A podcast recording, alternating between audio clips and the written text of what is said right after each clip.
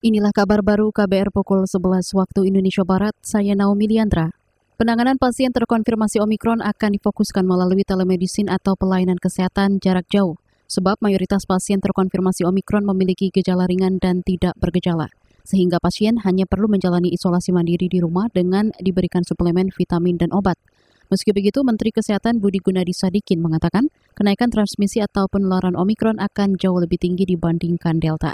Kini Kementerian Kesehatan bekerja sama dengan belasan platform telemedicine yang akan memberikan jasa konsultasi dokter dan pengiriman obat secara gratis. Beberapa platform itu seperti Allo Dokter, Get Well, Good Doctor, Hello Doc, Klik Dokter, hingga Vascular. Saudara, Komisi Pemberantasan Korupsi KPK mencatat sudah melakukan 141 operasi tangkap tangan OTT sejak 2003 silam. Juri bicara KPK Ali Fikri mengklaim semua operasi senyap itu 100% terbukti di persidangan.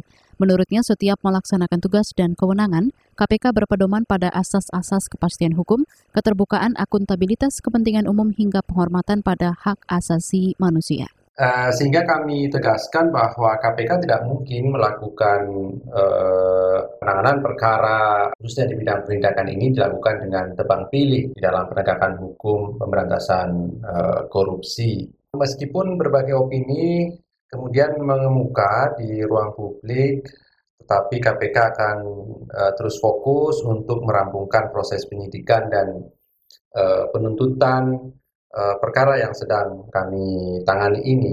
Juri bicara KPK Ali Fikri juga menegaskan lembaganya tidak bertindak politis terkait penangkapan wali kota Bekasi nonaktif Rahmat Effendi alias Bang Pepen.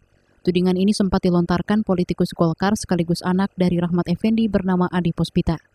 Ali menyayangkan pihak-pihak yang menggiring opini publik dalam proses penegakan hukum di KPK.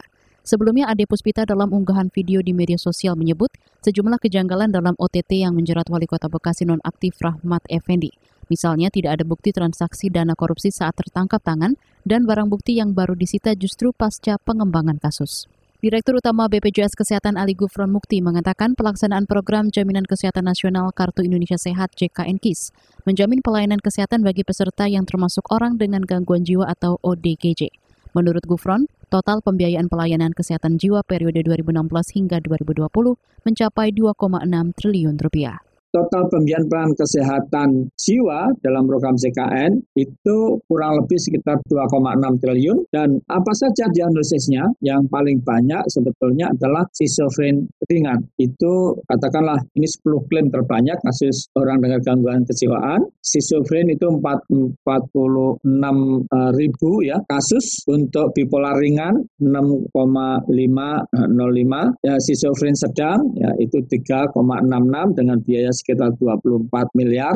Direktur Utama BPJS Kesehatan Ali Gufron Mukti juga merinci sejumlah klaim terbanyak penanganan gangguan jiwa yang membutuhkan rawat inap, mulai dari gangguan organik dan keterbelakangan mental hingga gangguan bipolar. Gufron juga mengingatkan bagi penyandang disabilitas yang kurang mampu dan belum masuk di data terpadu kesejahteraan sosial atau DTKS, bisa diusulkan melalui dinas sosial setempat untuk didaftarkan sebagai peserta program JKN KIS.